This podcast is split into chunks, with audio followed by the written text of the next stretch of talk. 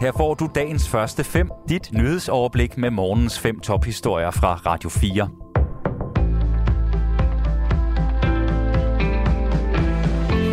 Det er den 19. oktober. Mit navn er Anne Svifeldt. Godmorgen.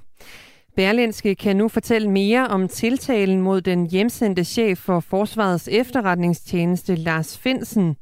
Ifølge avisen så er han anklaget for at have røbet oplysninger om et internt opgør i Forsvarets efterretningstjeneste, som handler om tabning af blandt andet mails og telekommunikation i kabler. Han skulle have røbet det over for sin nærmeste, en ven og to journalister. Berlinske har talt med Michael Götze, der er professor i forvaltningsret ved Københavns Universitet. Med de nye oplysninger kan vi nu se, at straffesagen mest af alt handler om Lars Finsens eget selvforsvar, siger han til avisen.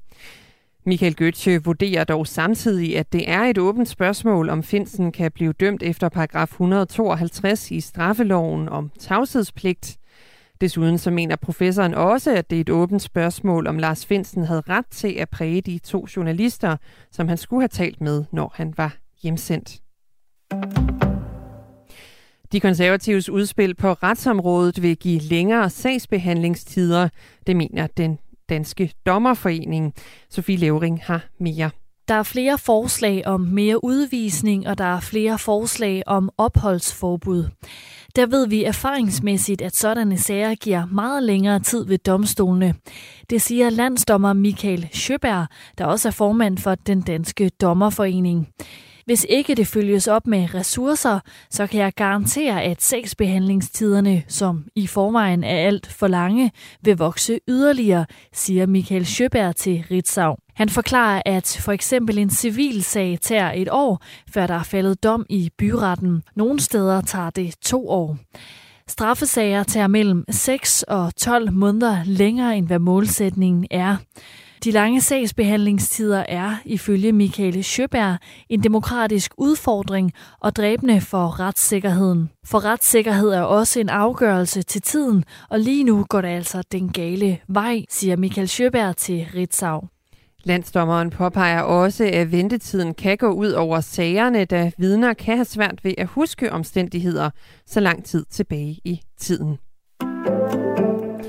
Og vi bliver ved politik, for Liberal Alliances formand Alex Vanopslag har brudt flere regler i forbindelse med en lejlighed, som han har haft i Struer. Det skriver Information.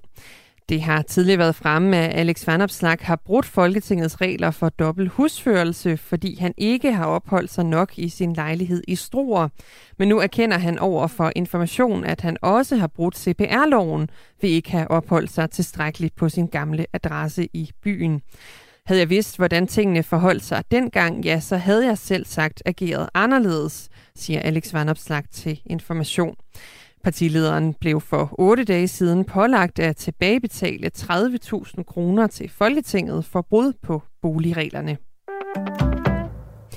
Flere vælger at bo i et bofællesskab. Det viser en ny kortlægning fra Institut for Byggeri, By og Miljø ved Aalborg Universitet. Ved udgangen af sidste år, der var der flere end 400 bofællesskaber i Danmark med ca. 10.000 boliger, og det er især seniorbofællesskaber, der vinder frem.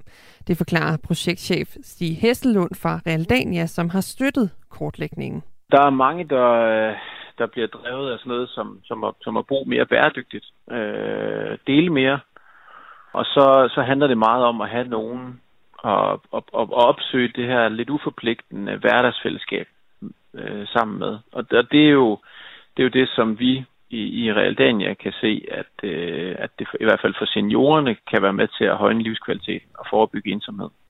Af de 400 bofællesskaber, der var i Danmark ved udgangen af sidste år, så var de 235 bofællesskaber for seniorer.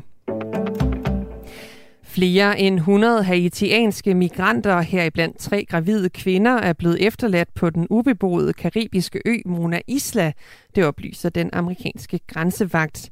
Migranterne blev fundet på øen af skovfoder, som arbejder for Puerto Ricos Miljøstyrelse. En talsmand for USA's grænsevagt oplyser, at det ser ud som om, at alle migranterne er blevet transporteret på et enkelt fartøj. Dagens første fem er tilbage igen i morgen tidlig. Hvis du har brug for en nyhedsopdatering inden da, kan du altid fange os i radioen, på nettet og i vores app. Vi høres ved til dagens første fem fra Radio 4.